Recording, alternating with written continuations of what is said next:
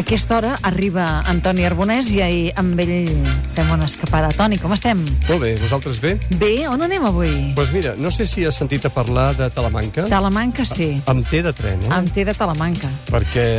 Sí, T de Talamanca, exacte. doncs, eh, saps quantes Talamanques hi ha al món? No. Doncs n'hi ha quatre. Si no em sé ni les Barcelones, que n'hi ha Ai, tot els arreu. ibisencs que diran Ai, si, ai, ai. si dius que no saps... Eh... Les Barcelones. Mira, hi ha una Talamanca que és una platja d'Eivissa, Sí? hi ha una Talamanca que és una municipalitat de Costa Rica, una reserva indígena, i hi ha la Talamanca del Jarama de Madrid i hi ha la Talamanca Nostra. nostra, la del Bages. La del eh? Bages. Molt Avui bé. en parlem que és un nucli molt petit de cases, 150 habitants censats més o menys, però això s'enfila fins als 5.000 a l'estiu. Imagina't tu O quin sigui canvi. que passen de 150 a 5.000, eh? Això diuen, eh? Sempre aquestes xifres són difícils de precisar. Eh? Molt bé. Bé, i aquí què hi va passar a Talamanca? Doncs a Talamanca eh, es va viure, eh, o va ser l'escenari de la darrera victòria militar catalana a la Guerra de Successió. És a dir, just un mes abans de la rendició de Barcelona, el famós, el malaurat famós 11 de setembre del del setge de 1714. a Barcelona. Correcte. O sigui, ens situem, per tant, a l'agost del 1714. Sí, encara no, per això, perquè saps què et diuen quan Què dius, quan parles de Talamanca? Una de les primeres coses que et diuen.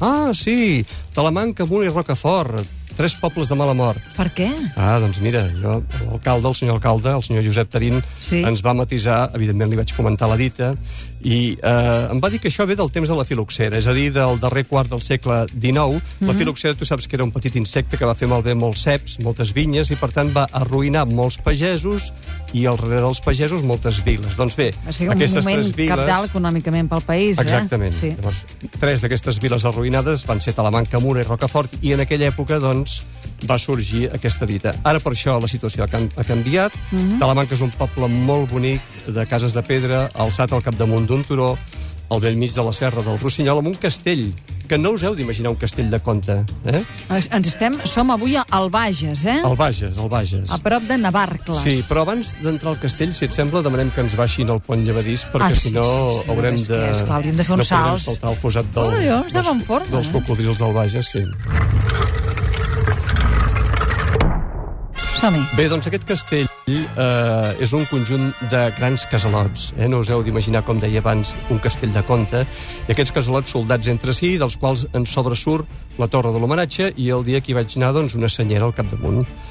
Um, Se'n té notícia des de fa aproximadament mil anys. Uh, no sé si recordeu el comte Sala, el fundador de Sant Benet de Bages, en vam parlar aquí al programa. Doncs ell va ser també el que va fer una sessió de terres en el terme del castell, i en aquestes terres, entre el castell i l'església de Santa Maria de Talamanca, és on es forma el nucli que ara podem visitar. És un castell privat, on som, per tant, eh, doncs, hi ha eh, dependències que són visitables i dependències que no. I és visitable des de fa molt poquet, des de l'11 de setembre d'aquest any.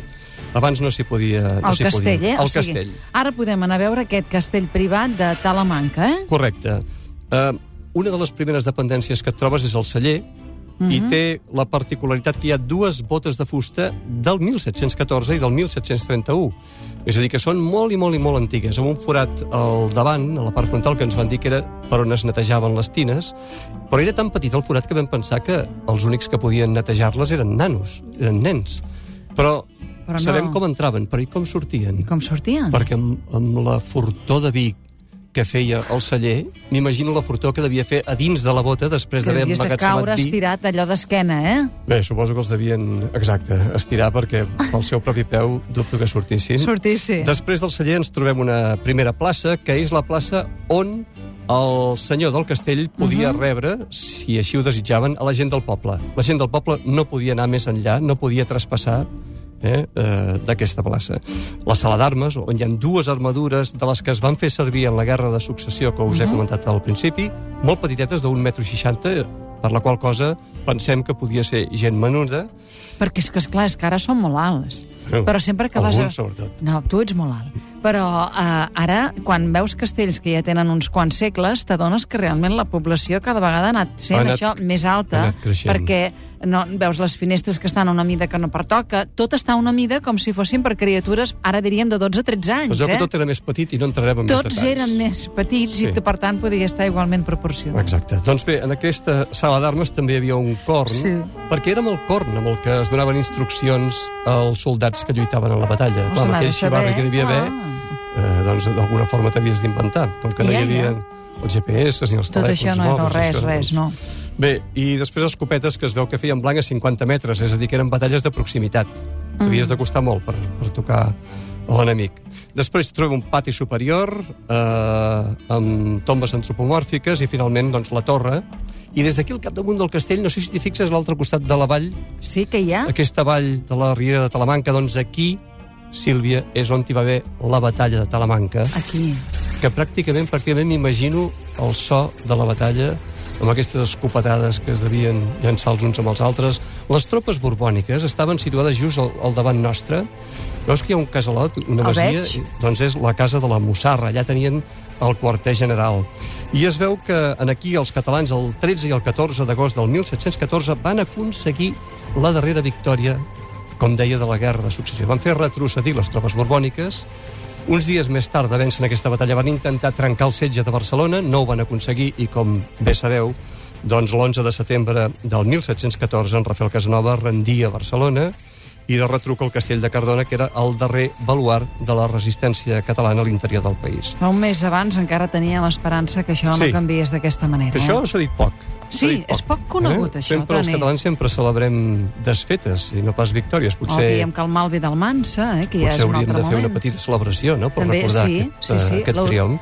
Però és que és l'última victòria i dius, ai, Sí, a saps? més, Eh, eh, Agradols, és un sabor agradols. Clar, pensa que aquesta desfeta va acabar amb el conjunt d'institucions i constitucions eh, catalanes que havien regit d'alguna forma, que organitzaven la vida social i política des de feia segles, és a dir, que es, es va acabar l'estat català. Ara parles de l'estat, però del decret de nova planta, eh, del Sí. 1716. És a dir, que va ser, com tots eh, sabeu, doncs molt transcendent per tots nosaltres. Encara ara de- d'aquí venim. Bé, uh, marxem del castell. Marxem del castell. Marxem del castell, passegem pel poble, com he dit, un poble de cases de pedra molt bonic. La veritat és que sorprèn, amb una església romànica. S'hi van trobar, per cert, eh, 80 cadàvers enterrats a la plaça de l'església, que inicialment hi van haver corredisses perquè, imagina't tu, 80, 80 cadàvers, semblava que hi hagués... Quan, Algunes... Fa molt ho han trobat, això, no? No, això eh, es va trobar el 1985, Sí, i llavors inicialment doncs, el jutge va decretar que ningú toqués res no toquem res. i al final es va poder eh, doncs, eh, veure que probablement eren combatents precisament morts en la guerra del 1714. No era pas la feina de cap assassí en sèrie. Eh? Clar, és que dius, eh, es va guanyar eh, l'última victòria, dius, sí, sí, però sigui victòria o sigui derrota, hi ha morts. Oh, i tant, evidentment. Clar, Encara que ara ja saps que no se'n diuen morts, se'n diuen danys col·laterals i rarament apareixen en lloc.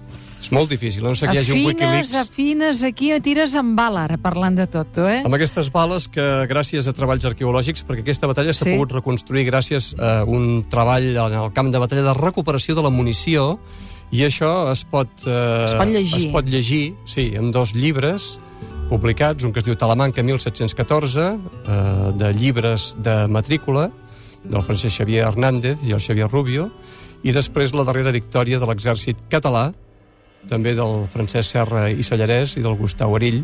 En aquests llibres doncs, podeu trobar-hi més informació d'aquesta batalla, batalla de i de les Talamanca. investigacions que s'han dut a terme per saber exactament com va anar. Alguna cosa més que puguem dir que en, per allò, hi anem aquest cap de setmana o qualsevol altre dia i que vulguem veure i visitar? Doncs, eh, com deia, passejar, fer una petita, una petita o una breu passejada pel poble, pel carrer Nou, eh, veureu doncs, que hi ha cases també que daten del 1686, 1714... Què més voldrien els arquitectes d'ara que construir cases que duressin 3 i 4 segles, eh? Mm, tot En fi. això del totxo hauria anat diferent. Sí, això el totxo hauria anat diferent, exacte. Passem per davant de Cal Gatet, Cal Quico, Cal Guerris, Cal Demos, en fi, eh?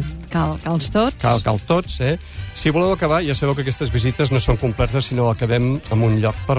Ara anem a dinar, no? Per Ens refer-nos una asseiem. mica, per sí, refer-nos sí, parada i fonda. Fem parada i fonda. Bé, Sí. hi ha dos restaurants, les voltes i el mirador, és a dir, que qualsevol dels dos llocs pot servir per, eh, posar el punt final doncs, en aquesta visita a Talamanca. Per cert, Què? recordeu, si aneu, que a l'estiu fa molta calor i a l'hivern molt de fred, i que hi bufa la marinada de 6 a 9 del vespre.